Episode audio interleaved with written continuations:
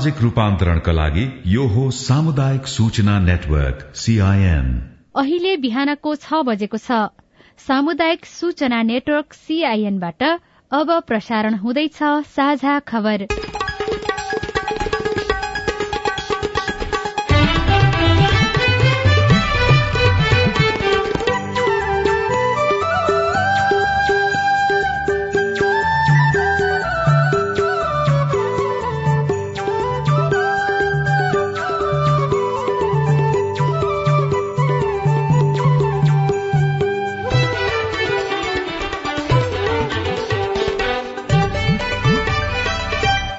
शुभ प्रभात यो सीआईएनको साझा खबर हो। उषा तामाङसँगै राजन रुचालको तपाईँलाई स्वागत छ। सामुदायिक रेडियोबाट देशैभरि एकैसाथ प्रसारण भइरहेको साझा खबर सीआईएन खबर डट कम र मोबाइल एप सीआईएनबाट पनि सुन्न सकिन्छ। आज दुई हजार उनासी साल असोज पाँच गते बुधबार सेप्टेम्बर एक्काइस तारीक सन् दुई हजार बाइस नेपाल सम्मत एघार सय बयालिस आश्विन कृष्ण पक्षको एकादशी तिथि आज विश्व शान्ति दिवस। साझा खबरमा प्रमुख खबरका शीर्षकहरू। राष्ट्रपतिद्वारा नागरिकता विधेयक प्रमाणीकरण गर्न अस्वीकार संरक्षकबाट संविधानलाई चुनौती भएको विज्ञहरूको टिप्पणी राष्ट्रपति सरकार टकराव न्यायालय प्रवेश गर्ने सम्भावना। चुनावका बेला प्रहरीको केन्द्रीय सेल नेतृत्वविहीन प्रभावशाली नेताले नै समानुपातिक रोजेपछि आलोचना। स्थानीय तहको निर्वाचनमा भाग लिएर खर्च विवरण नबुझाएका उम्मेद्वारमाथि कार्यवाही प्रक्रिया शुरू शिक्षाको सोच पत्र सार्वजनिक तेह्र हजार विद्यालय पुननिर्माण भएको शिक्षा मन्त्रीको दावी डेंगी महामारीको रूपमा फैलिँदै राष्ट्रिय प्रकोप घोषणा गर्न विज्ञको सुझावमा सरकार उदासीन। विश्वभरि प्रत्येक चार सेकेण्डमा एकजनाको मृत्यु भोकका कारण भइरहेको दावी। विश्व नै संकटमा रहेको भन्दै सबैलाई एकजुट हुन राष्ट्रसंघका महासचिव गुटरेसको आह्वान। युक्रेनका चार क्षेत्रलाई रूससँग गाभ्न जनमत संग्रह गर्न माग।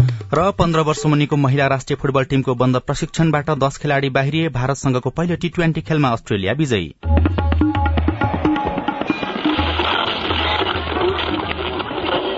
सयौं रेडियो। हजारौं रेडियो कर्मी र करोड़ौं नेपालीको माझमा यो हो सामुदायिक सूचना नेटवर्क सीआईएन साझा खबरको सबैभन्दा शुरूमा राष्ट्रपतिबाट नागरिकता विधेयक प्रमाणीकरण गर्न अस्वीकार सम्बन्धी प्रसंग। संविधानले धारा दशमा नागरिकलाई प्रादेशिक पहिचान सहितको एकल संघीय नागरिकताको व्यवस्था गरे पनि विधेयक त्यस अनुकूल नरहेको र अनुकूल बनाउन फिर्ता पठाएर दिइएका सुझाव व्यवस्था गरिएको राष्ट्रपतिको निष्कर्ष छ। त्यस्तै धारा पन्ध्रको नेपालको प्रत्येक नागरिकको परिचय खुल्ने गरी अभिलेख राख्ने तथा अन्य व्यवस्था संघीय कानून बमोजिम गर्ने भनिए पनि त्यस अनुसार विधेयक नआएको राष्ट्रपति कार्यालयको दावी छ। विदेशी बाबु रहेका नेपाली महिलाको छोराछोरीले नागरिकता नपाउने तर नेपाली पुरूषले विदेशी महिलासँग विवाह गरेर सन्तान जन्माउँदा नागरिकता पाउने असमान व्यवस्था विधेयकले गरेको राष्ट्रपति कार्यालयको निष्कर्ष छ यसले महिलाको मौलिक हक उल्लंघन गर्दै उनीहरूको स्वाभिमानमा चोट पुर्याएको राष्ट्रपति कार्यालयको बुझाइ छ। खास गरी आमाले बाबुको ठेगाना प्रश्न नभएका छोराछोरीलाई नागरिकता दिनुपर्दा बाबुको पहिचान नभएको सो घोषणा गर्नुपर्ने विधेयकको व्यवस्थाप्रति राष्ट्रपतिले आपत्ति जनाउँदै आउनु भएको छ। त्यस्तै नेपाली महिलाले विदेशीसँग विवाह गर्दा केही वर्षपछि शर्त पूरा गरेर मात्र नागरिकता दिने व्यवस्था भए पनि नेपाली नागरिकतासँग विवाह गर्ने महिलाले नेपाली नागरिकसँग विवाह गर्ने महिलाले कुनै समय सीमा र शर्त पूरा नगरी तत्कालै नागरिकता पाउने विधेयकले व्यवस्था गरेकोमा राष्ट्रपतिको असन्तुष्टि छ।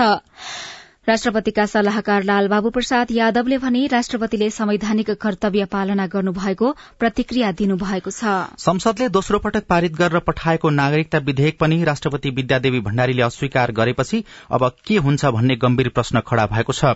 प्रमाणीकरण गर्ने पन्ध्र दिनको समयावधि मंगलबार मध्यराती सकिएको छ। विधेयक प्रमाणीकरण नगरेर मौन बस्नुभएका उहाँले आउने कानूनी र राजनैतिक प्रश्नको प्रतिवाद गर्ने तयारी गर्नुभएको छ। सार्वभौम संसदले पारित गरेर पठाएको विधेयक अस्वीकार गरेर राष्ट्रपति भण्डारीले संवैधानिक सीमा नाघेको आरोप उहाँमाथि लागिरहेको छ। यस विषयमा सर्वोच्च अदालतसँग कानूनी परामर्श लिने विकल्प नरोज्ने बरू प्रतिवादका लागि कसैले रिट दायर गरे सामना गर्ने राष्ट्रपतिको तयारी छ। राजीनामा विकल्पमा पनि उहाँ नजाने बताइएको छ। राष्ट्रिय एकताको प्रवर्धन र संविधानको संरक्षकको भूमिका खेलेकाले आफूले लिएको निर्णय दूरगामी महत्वको हुने राष्ट्रपति भण्डारीको बुझाइ छ। संसदले बीस भदौमा विधेयक प्रमाणीकरणका लागि राष्ट्रपति कार्यालयमा पठाएको थियो।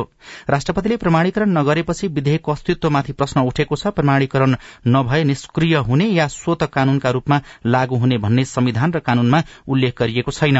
संसदबाट पारित भएर आएको नागरिकता विधेयकबारे राष्ट्रपति भण्डारीले सैनिक नेतृत्व सहित विभिन्न क्षेत्रका व्यक्तित्वहरूसँग पनि यसअघि पटक पटक परामर्श गरिसक्नु भएको छ। यसमा कानूनका जानकार पनि विभाजित छन्। केहीले राष्ट्रपतिको चासो सम्बोधन नभएकाले प्रमाणीकरण नहुनु संविधान सम्मत भएको जिकिर गरेका छन् भने अधिकांशले संविधान विपरीत भएकाले न्यायालयबाट निरूपण हुनुपर्ने राय दिएका छन्। संविधानविद चन्द्रकान्त गेवालीले अमेरिका र भारत जस्तो पकेट भिटो नेपालको राष्ट्रपतिलाई नभएको र कार्यकारी अधिकार मन्त्री परिषदमा रहेको बताउनुभयो। संविधानविद डाक्टर भीमार्जुन आचार्यको तर्क भने फरक छ। राष्ट्रपति र सरकारको बीचमा कुनै द्वन्द उत्पन्न भयो। राष्ट्रपति र संसदको बीचमा कुनै असहमति द्वन्द उत्पन्न भयो अनि एक्लै अर्कालाई बदलावको भागमा केही क्रिया प्रतिक्रियाहरू प्रतिशोधहरू सजाय आदि इत्यादिमा यदि जाने भए भने अब तिमीले यस्तो गर्यौ तिमी माथि पनि हामी चुप लागेर बस्दैनौ भनेर यदि संसद र सरकारले सोच्ने हो भने संविधानमा लेखेको कुरा चाहिँ महाभियोग हो। अब तर महाभियोग लाउनको लागि अहिलेको संसदको कार्यकाल नै समाप्त भयो हुनाले अब त्यो सम्भावना भएन। त्यसैले मलाई लाग्छ राजनीतिको एउटा मुद्दा बनाएर अब यसमा राष्ट्रपतिले नगर्नुपर्ने यस्तो काम गर्नु उसो गर्नु भन्ने त्यो एउटा वक्तव्यबाजी भाषण गर्नेदेखि बाहेक अरू कानून र संविधान बमोजिम संसद वा सरकारले केही गरिहाल्न सक्ने अवस्था चाहिँ मैले देख्दिनँ। प्रतिनिधि सभाको कार्यकाल सकिएकै बेला राष्ट्रपति सरकार टकराव न्यायालय प्रवेश गर्ने सम्भावना पनि उत्तिकै छ नागरिकता विधेयक चुनावी मुद्दा बन्ने निश्चित जस्तै भएको छ। राजनीतिक दलका नेताहरूले पनि फरक फरक प्रतिक्रिया दिएका छन्। एकीकृत समाजवादीका सम्मानित नेता झलनाथ खनालले प्रमाणीकरण नगर्नु राष्ट्रपति ओहदाको नै दुरूपयोग भएको टिप्पणी गर्नुभएको छ।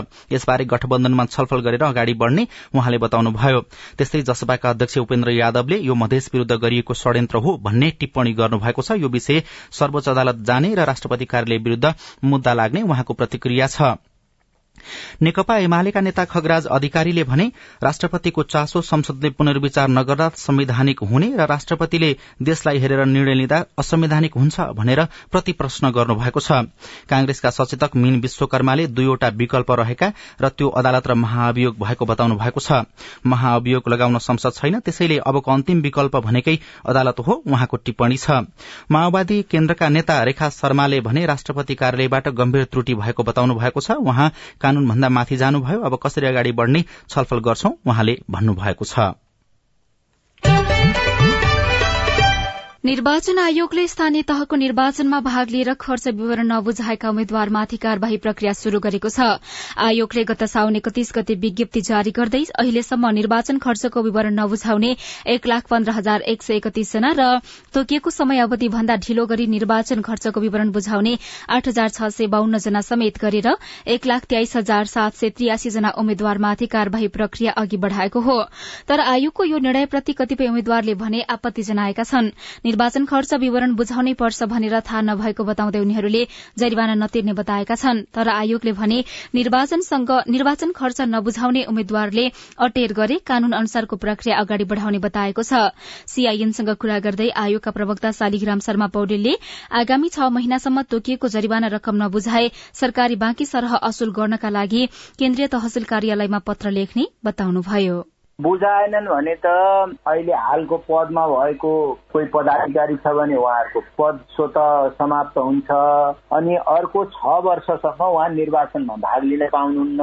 र यो सरकारी बाँकी सरह असुल गर्नका लागि केन्द्रीय तहसिल कार्यालयमा आयोगले लेखेर पठाउँछ। कतिपय उम्मेद्वार तथा निर्वाचित हुनुभएका जनप्रतिनिधिहरूले चाहिँ निर्वाचन खर्च विवरण बुझाउनु पर्छ भनेर थाहै थिएन। एकाएक निर्वाचन आयोगले चाहिँ हामीलाई यसरी कार्यवाही गर्यो गर्न लाग्यो भनेर पनि गुनासो गरिरहनु भएको छ नि। कानूनको अज्ञानता क्षम्य हुँदैन। तपाईँ हामीले कुनै गल्ती गर्यौं अनि ए यो गल्ती त मलाई कानून थाहा थिएन र गरेको भनेर तपाईँलाई मलाई पुलिसले छोड्छ। बस कुरा यही हो है। कानून मात्रै हो र उहाँले मनोनयन गर्दा पेश गरेको सो घोषणामा उहाँले मैले गरेको निर्वाचन खर्च तिस दिन भुक्तान भएपछि पेश गर्नेछु भनेर लेखेर सही छाप पनि गर्नुभएको छ। निर्वाचन आयोग ऐन दुई हजार त्रिहत्तरको दफा छब्बीसमा समयमा निर्वाचन खर्च विवरण नबुझाउने उम्मेद्वारलाई जरिवानाको व्यवस्था गरिएको छ। यस्तै दफा पच्चीसको एक नम्बर बुदामा उम्मेद्वारले निर्वाचन खर्चको विवरण पेश गर्नुपर्ने व्यवस्था रहेको छ।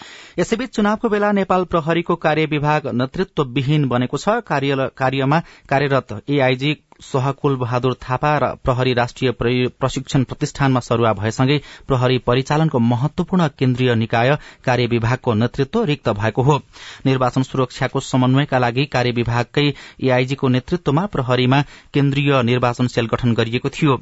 एआईजी थापाको सरूवासँगै केन्द्रीय सेल नै नेतृत्वविहीन भएको छ अन्य एआईजीलाई सेलको नेतृत्व तोकिएको छैन। यसैबीच प्रहरीले निर्वाचनका लागि नेपाली सेनासँग साढे सत्ताइस सय पेस्तोल माग गरेको छ। गत वैशाखको स्थानीय तह निर्वाचनमा पनि प्रहरीले सेनासँग एक हजार पेस्तोल लिएको थियो। यसपटक पनि करिब एक हजार मात्र पेस्तोल दिन सकिने जानकारी सेनाले गराएको छ। पर्याप्त पेस्तोल नभएपछि ठूला हतियार नै प्रयोग गरेर निर्वाचन गराउन लागि छ।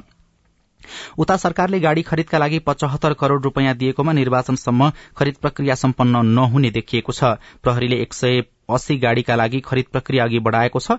अब दुई महिनाको मात्रै समय बाँकी भएकाले गाड़ी चुनावपछि मात्र आइपुग्ने सम्भावना भएको स्रोतले बताएको छ। जस अनुसार प्रहरीले यो चुनावमा पनि भाड़ाकै गाड़ीमा निर्वाचन सम्पन्न गराउने तयारी अगाडि बढ़ाएको छ।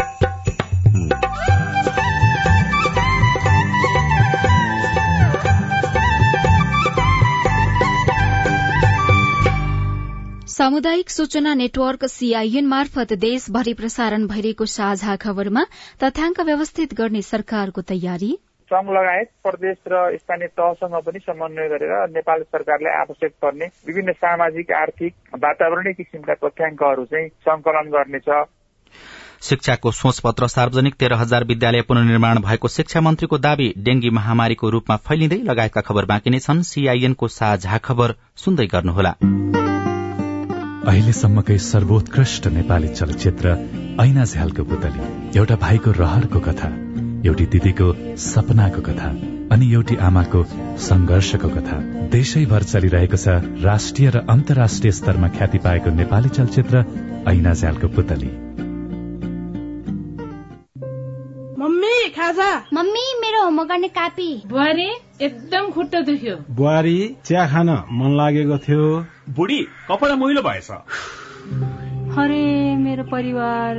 भर्खरै सुनेको संवाद तपाईँलाई कस्तो लाग्यो? यही संवादलाई फेरि एकपटक यसरी सुनौ न है। मम्मी खाजा आज म बनाउँछु। मिठो बनाउँछु है।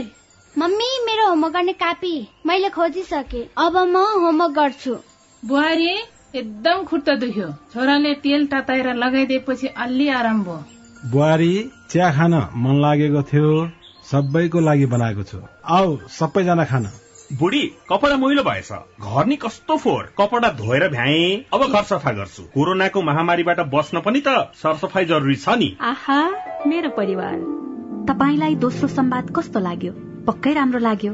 हो तपाईँ हामी बीच जिम्मेवारी बोध भयो भने एक अर्का बीचको निकटतालाई अझ राम्रो बनाउन सकिन्छ। बाढी चोडी जिम्मेवारी परिवारमा समझदारी। महिला बालबालिका तथा ज्येष्ठ नागरिक मन्त्रालय युएन ओमन ल्याक र अकुराबको सहकार्य। सामाजिक रूपान्तरणका लागि यो हो सामुदायिक सूचना नेटवर्क सीआईएन तपाईँ देशभरिका सामुदायिक radio CIN Khabar dot com र मोबाइल एप सीआईएनबाट एकैसाथ साझा खबर सुन्दै हुनुहुन्छ।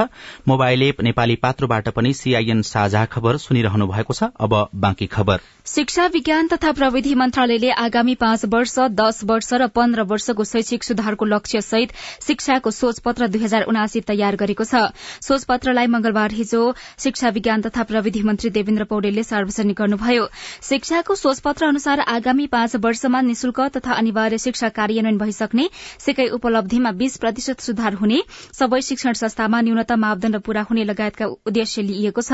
त्यस्तै आगामी दश वर्षमा शैक्षिक गुणस्तर सुनिश्चित हुने सिकाई उपलब्धि चालिस प्रतिशत सुधार हुनेछ भने आगामी पन्ध्र वर्षमा सबै विद्यालयमा समान स्तरका हुने सबै विद्यालय समान स्तरका हुने विद्यालय शिक्षामा अन्तर्राष्ट्रिय गुणस्तर हुने पहिलो रोजाईको पेसा शिक्षण हुने लगायत उद्देश्य समावेश गरिएको छ। शिक्षा मन्त्री पौडेलले सोचपत्रले अगाडि सारेका उद्देश्य र लक्ष्य पूरा गर्न स्थानीय तह प्रदेश र संघलाई जिम्मेवार बनाइने बताउनुभयो।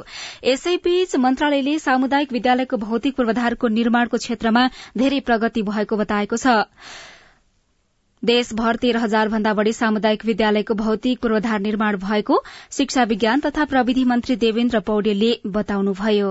भौतिक पूर्वाधारको क्षेत्रमा क्रमशः सुधार भएको कुरा म यहाँलाई राख्न चाहन्छु।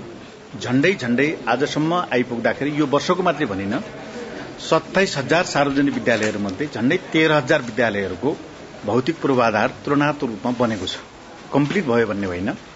राष्ट्रपति शैक्षिक सुधारबाट भूकम्प प्राधिकरणबाट स्थानीय सरकारबाट प्रदेश सरकारबाट कतिपय चाहिँ भारतीय एम्बेसीबाट अरू कतिपय चाहिँ विभिन्न प्रकारका सहयोग गर्ने दात निकायहरूबाट झण्डै झण्डै तेह्र हजार विद्यालय भवनहरू मोटामोटी हामीले बनाएका छौं अरू बनाउन बाँकी छ। र हामीले ती बाँकी विद्यालयहरू तीन वर्षभित्रमा बनाउने लक्ष्य लिएका छौं। मन्त्रालयले विद्यालय शिक्षा सम्बन्धी विधेयक उच्च शिक्षा सम्बन्धी विधेयक प्राविधिक तथा व्यावसायिक शिक्षा सम्बन्धी विधेयक राष्ट्रिय योग्यता प्रारूप सम्बन्धी विधेयक र एकीकृत स्वास्थ्य शिक्षा सम्बन्धी विधेयकहरूको मस्यौदा तयार भई सहमतिका लागि कानून न्याय तथा संसदीय मामिला मन्त्रालय र अर्थ मन्त्रालयमा पठाइएको पनि मन्त्री पौडेलले जानकारी दिनुभयो।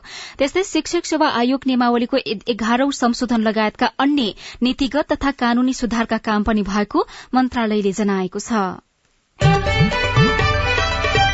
अब आज काठमाण्डुबाट प्रकाशित पत्र पत्रिकाको खबर। राजधानी दैनिकमा महामारीको रूप लिँदै डेंगी शीर्षकमा खबर छापिएको छ। यो खबर निराजन पौडेलले लेख्नु भएको हो। महामारीको रूपमा देशभर डेंगी फैलिरहँदा सरकार भने संक्रमण नियन्त्रणमा उदासीन देखिएको छ। देशभर हालसम्म सत्र हजार पाँच सय चौरानब्बे जनामा डेंगी संक्रमण भइसकिएको अवस्थामा एक्काइसजनाको मृत्यु भइसकेको छ। दैनिक डेंगी संक्रमणसँगै मृत्यु हुने दर समेत बढ़िरहेको छ तर सरकारले डेंगीलाई राष्ट्रिय प्रकोपका रूपमा घोषणा गर्न ढिलाइ गरेको छ। पछिल्लो समय देशको पचहत्तर जिल्लामा संक्रमण बढ़दै जान थालेपछि इपिडिमियोलोजी तथा रोग नियन्त्रण महाशाखा ईडीसीडीले काठमाडौँ उपत्यका लगायत देशभर डेंगी संक्रमण अत्यधिक विस्तार भएको निष्कर्ष निकाल्दै राष्ट्रव्यापी प्रकोप घोषणा गर्न स्वास्थ्य मन्त्रालयले पत्रचार गरिसकेको छ। सरकारले विज्ञको सुझाव मानेर तत्काल निर्णय गर्नुको साटो अझै पनि स्वास्थ्य मन्त्रालय भने पर्खर हेरको रणनीतिमा रहेको खबरमा उल्लेख गरिएको छ। त्यस्तै राजधानी दैनिकै पहिलो पृष्ठमा प्रभावशाली नेताले नै रोजे समानुपातिक आलोचना तीव्र शीर्षकमा खबर छापिएको छ। यो खबर सुभाष शाहले लेख्नु भएको हो। आगामी चार मंगिरमा तय प्रतिनिधि सभा र प्रदेशसभा निर्वाचनका लागि राजनैतिक दलहरूले निर्वाचन आयोगमा समानुपातिक उम्मेद्वारको बन्द सूची बुझाएका छन्। प्रमुख राजनैतिक दलले प्रभावशाली नेता पटक पटक सांसद र मन्त्री भएका नेतालाई नै समानुपातिक उम्मेद्वारको बन्द सूचीमा राखेपछि आलोचना तीव्र बनेको छ। प्रतिनिधि सभाका एक सय दस र प्रदेशसभाका दुई सय बीस सीटका लागि राजनैतिक दलले उम्मेद्वार सूची सोमबार नै आयोगमा बुझाएका छन्। सूचीमा परेकाको विवरण जाँच कार्य भइरहेको छ। सूची सच्याउन आयोगले सोह्र असोजसम्मको समय सीमा दिएको छ। नयाँ पत्रिकाको अर्थपत्रिका नयाँ पत्रिकाको अर्थपत्रिका पृष्ठमा कृष्ण रिजाल लेख लेख्नु भएको खबर छ। राष्ट्रिय महत्वका त्रिसठी आयोजनाको प्रगति न्यून देखिएको छ। प्रधानमन्त्री तथा मन्त्री परिषदको कार्यालयले गरेको अनुगमनले आर्थिक वर्ष दुई हजार अठहत्तर उनासीमा राष्ट्रिय गौरवको राष्ट्रिय गौरव रूपान्तरणकारी र राष्ट्रिय महत्वका आयोजनाको प्रगति सुस्त देखिएको हो। मन्त्री परिषदको कार्यालयले राष्ट्रिय गौरवका चौविस रूपान्तरणकारी अठार र अन्य राष्ट्रिय महत्वका एक्काइस गरी त्रिसठी आयोजनालाई अनलाइन अनुगमन प्रणालीमा आबद्ध गरी मासिक प्रगति विवरण लिँदै आएको छ। अनलाइनमा आबद्ध मध्ये गत आर्थिक वर्षमा साठी आयोजनाले मात्रै कार्य योजना प्रविष्ट गरेका थिए। त्यसमध्ये अन्ठाउन्न आयोजनाले वार्षिक क्रियाकलाप तथा माइलस्टोन प्रगति प्रविष्ट गरेका छन्। वार्षिक भौतिक तथा वित्तीय प्रगति प्रतिवेदन प्रविष्ट गर्ने आयोजना उनाचालिस मात्रै छन्। प्रधानमन्त्री तथा मन्त्री परिषदको कार्यालयका सचिव दिनेश भट्टराईले भने गौरवका आयोजना किन सुस्त भए भनेर मिहिन अध्ययन गरिरहेको बताउनु भएको छ। कारोबार दैनिकमा मिलम्चीको दोस्रो चरणको काम शुरू शीर्षकमा खबर छापिएको छ। मिलम्चीको पानी अझै नै आउनलाई अनिश्चित भइरहेको समयमा याङ्री र लार्के खोलाको पानी पनि काठमाडौँ ल्याउन ठूला पाइप बिछाउन शुरू भएको छ।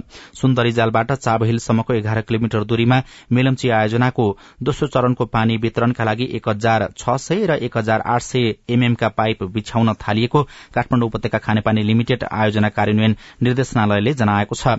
मेलम्चीपछि दोस्रो चरणमा याङ्री र लार्केको पानी ल्याउने तयारी भएका कारण पनि वितरणका लागि उपत्यकामा ठूला पाइप बिछाउन थालिएको भन्दै निर्देशनालयले पहिलो चरणमा मिलम्चीको पानी वितरणका लागि सुन्दरी जलबाट चाबहिलसम्म दुई हजार उनासत्तरी सालमा एक हजार चार सय मिलिलिटरको पाइप बिछाइएको स्मरण गरेको छ। पहिलो चरणको दैनिक बाइस करोड़ लिटर पानी पठाउन सकिने र दोस्रो चरणमा एक हजार छ सय र एक हजार आठ सय मिलिलिटरका पाइप बिछाएपछि दैनिक उन्तिस करोड़ लिटर पानी पठाउन सकिने निर्देशनालयले जनाएको छ।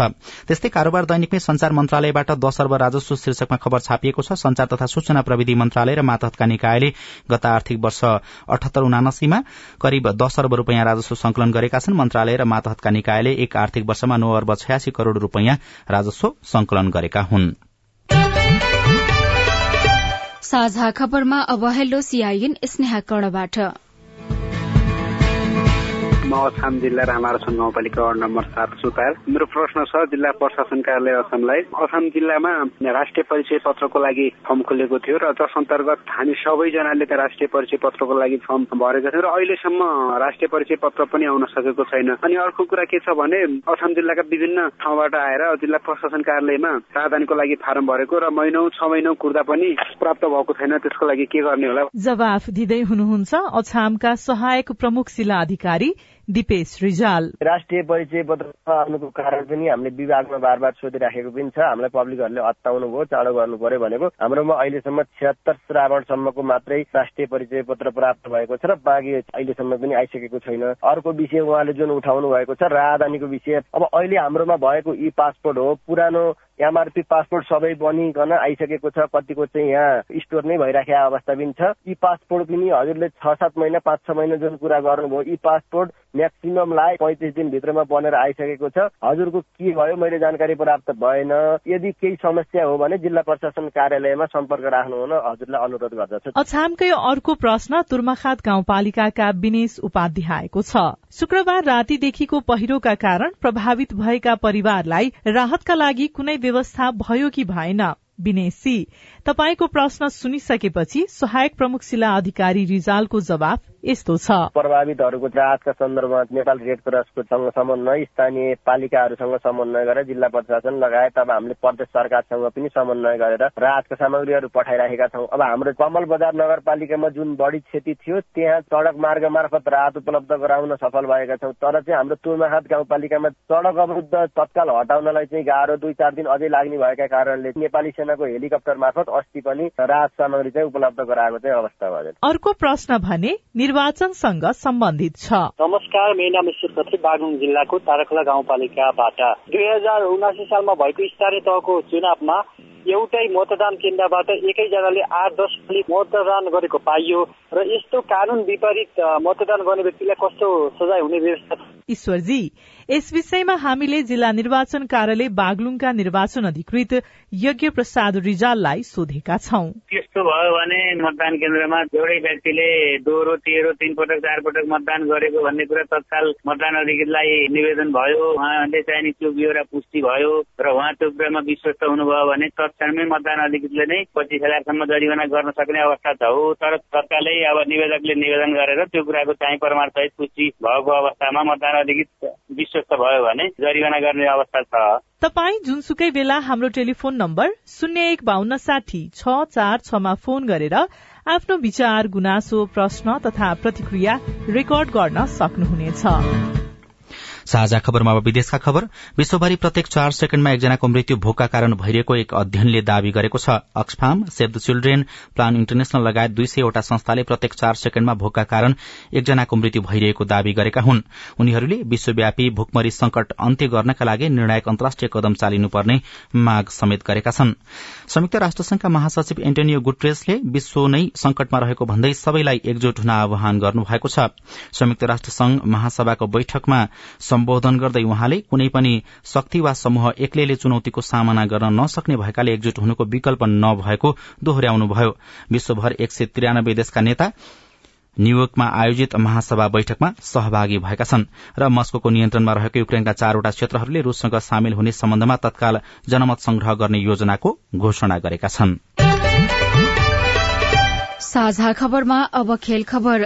पन्ध्र वर्ष मुनिको नेपाली महिला राष्ट्रिय फुटबल टीमको बन्द प्रशिक्षणबाट दश खेलाड़ी बाहिरिएका छन्। अखिल नेपाल फुटबल संघ एन्फाले हिजो प्रारम्भिक चरणमा रहेका चालिस खेलाड़ीबाट दश खेलाड़ी बाहिरिएको जनाएको छ। एन्फाले बंगलादेशमा आयोजना हुने पन्ध्र वर्ष मुनिको महिला साफ च्याम्पियनशीपका लागि खेलाड़ीलाई बन्द प्रशिक्षणमा राखेको हो। च्याम्पियनशीप आगामी नोभेम्बर एकदेखि बाह्र तारीकसम्म ढाकामा हुनेछ। अस्ट्रेलियाले पहिलो टी ट्वेन्टी अन्तर्राष्ट्रिय खेलमा भारतलाई पराजित गरेको छ। गैराती मोहलीमा भएको खेलमा अस्ट्रेलियाले घरेलु टोली भारतलाई चार विकेटले हराएको हो। यो सँगै तीन टी ट्वेन्टी आई खेलको श्रृंखलामा अस्ट्रेलियाले एक शून्यको अग्रता लिएको छ। जितका लागि दुई सय नौ रनको लक्ष्य पछ्याएको अस्ट्रेलियाले उन्नाइस दशमलव दुई ओभरमा छ विकेट गुमाउँदै पूरा गर्यो। त्यसअघि टस हारेर पहिला ब्याटिङको निम्तो पाएको भारतले निर्धारित बीस ओभरमा छ विकेट गुमाउँदै दुई सय आठ रन बनाएको थियो। र युरोपियन फुटबलको सर्वोच्च निकाय यूईएफएले युरोकप दुई हजार चौविसको छनौटमा रूसलाई प्रतिबन्ध गरेको छ। युक्रेनमाथि आक्रमण गरेपछि यूईएफएले रूसलाई युरोकप छनौटमा प्रतिबन्ध लगाएको हो। तथ्याङ्क विधेयक अनुसार देशभरको तथ्याङ्क कसरी व्यवस्थित गर्न सकिन्छ? रेडियो रिपोर्ट अरू खबर र कार्टुन पनि बाँकी नै छ। सीआईएनको साझा खबर सुन्दै गर्नुहोला।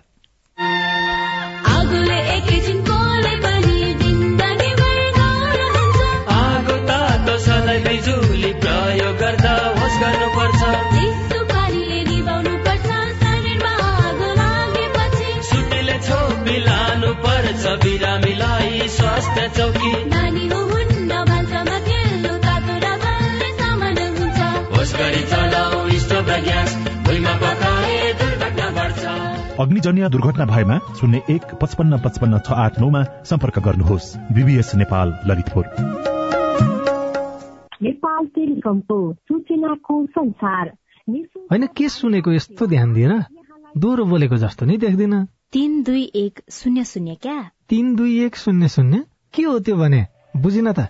ल सुन एनटिसी प्रयोगकर्ताहरूले आफ्नो मोबाइल तथा ल्यान्डलाइनमा तीन दुई एक शून्य शून्य डायल गरी समाचार रेडियो कार्यक्रम खेल र अन्य विषय बारे सन्देशहरू जुनसुकै बेला निशुल्क सुन्न सक्छन्। ओहो निशुल्क?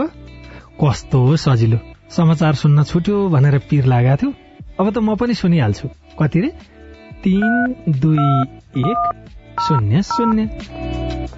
सामाजिक रूपान्तरणका लागि यो हो सामुदायिक सूचना नेटवर्क सीआईएन साझा खबरमा अब तथ्याङ्क व्यवस्थित गर्ने बारेको प्रसंग सबै उमेर समूहको जनसंख्या मात्रै होइन देशैभित्रका हरेक विषयको अभिलेखीकरण र तथ्य तथ्याङ्क राख्नु सरकारको दायित्व हो। तर अहिले कुनै पनि क्षेत्र उमेर समूह वा विषयका बारेमा तथ्याङ्क खोज्ने हो भने एकरूपता पाइँदैन।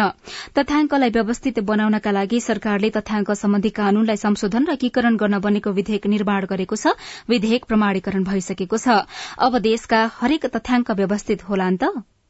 बैतडीका भेषराज भट्टराई एउटा गैर सरकारी संस्थामा काम गर्नुहुन्छ। उहाँको संस्थाले स्वास्थ्यसँग सम्बन्धित अध्ययन अनुसन्धान गर्छ। यसको लागि सरकारी निकायले निकालेको तथ्याङ्क पनि हेर्नुपर्छ। तर तथ्याङ्क विभागले निकाल्ने र स्वास्थ्य मन्त्रालयले निकाल्ने तथ्याङ्क नै मेल नखाँदा कुनलाई आधिकारिक मान्ने समस्या हुने गरेको छ।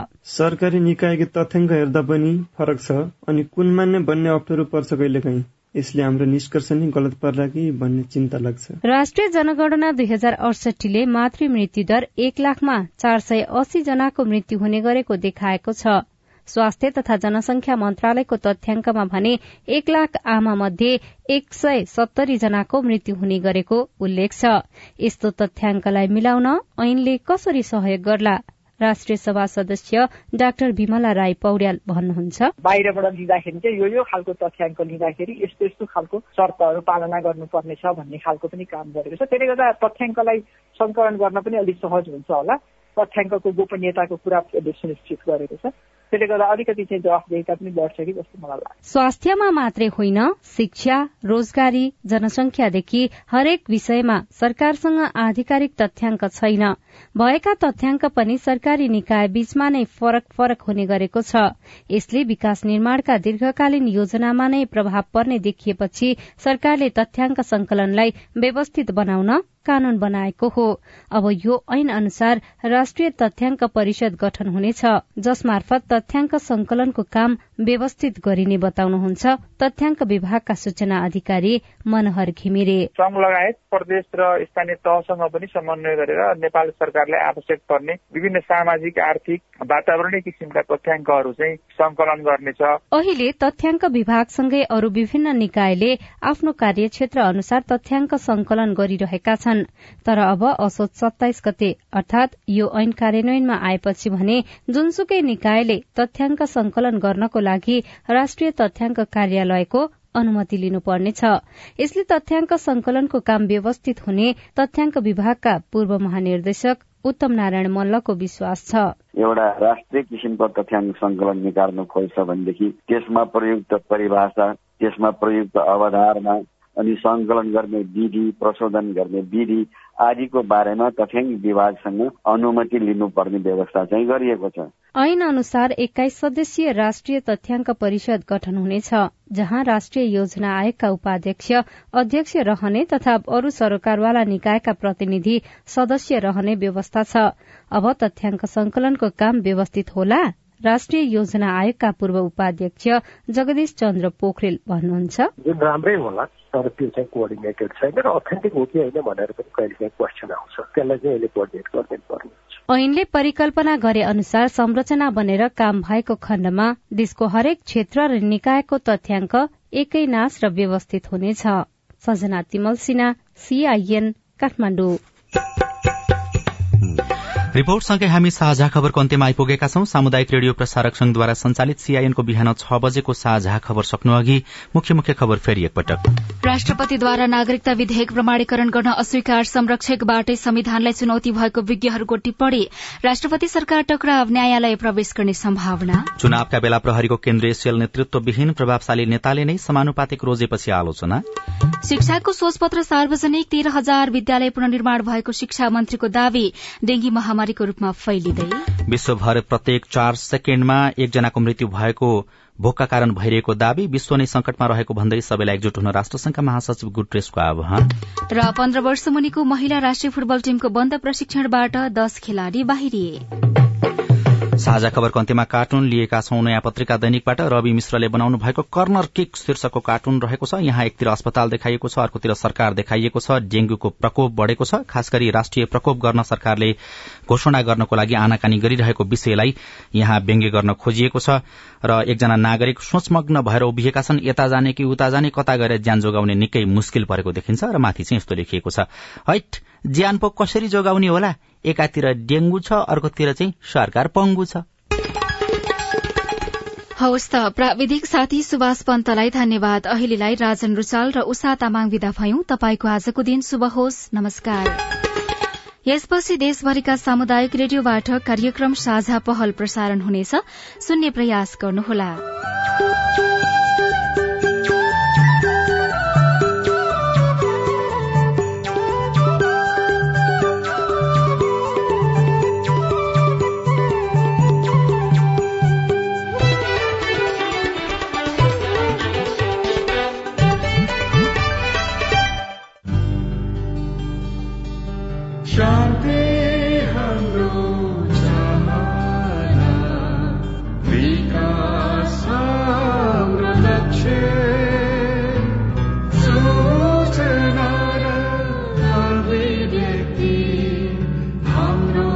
सब रूपांतरण का रेडियो सामाजिक रूपान्तरणका लागि यो हो सामुदायिक सूचना नेटवर्क सीआईएन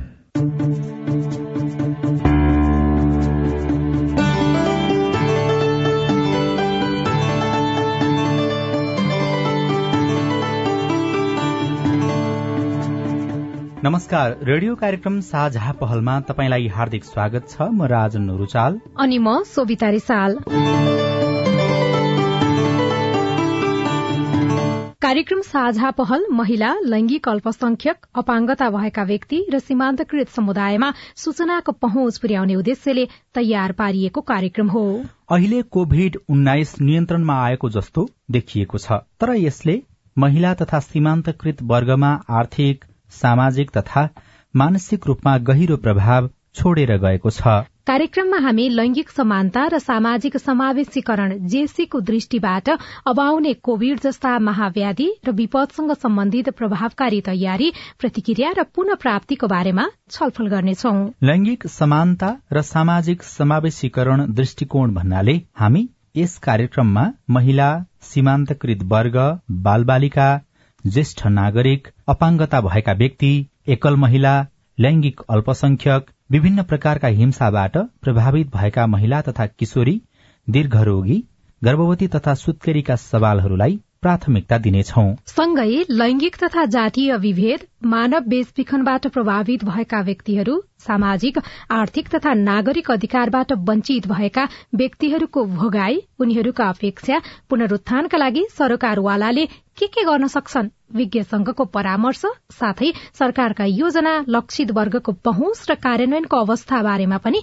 खोजी गर्नेछौ। साथै कोभिड बारे फैलिएका अफवाहहरू भ्रम र गलत जानकारीलाई सम्बोधन गर्दै विज्ञ संघको सवाल जवाफ पनि प्रस्तुत गर्नेछौ र सबैको पहुँचमा आवश्यक सूचना पुर्याउने हाम्रो प्रयत्न हुनेछ।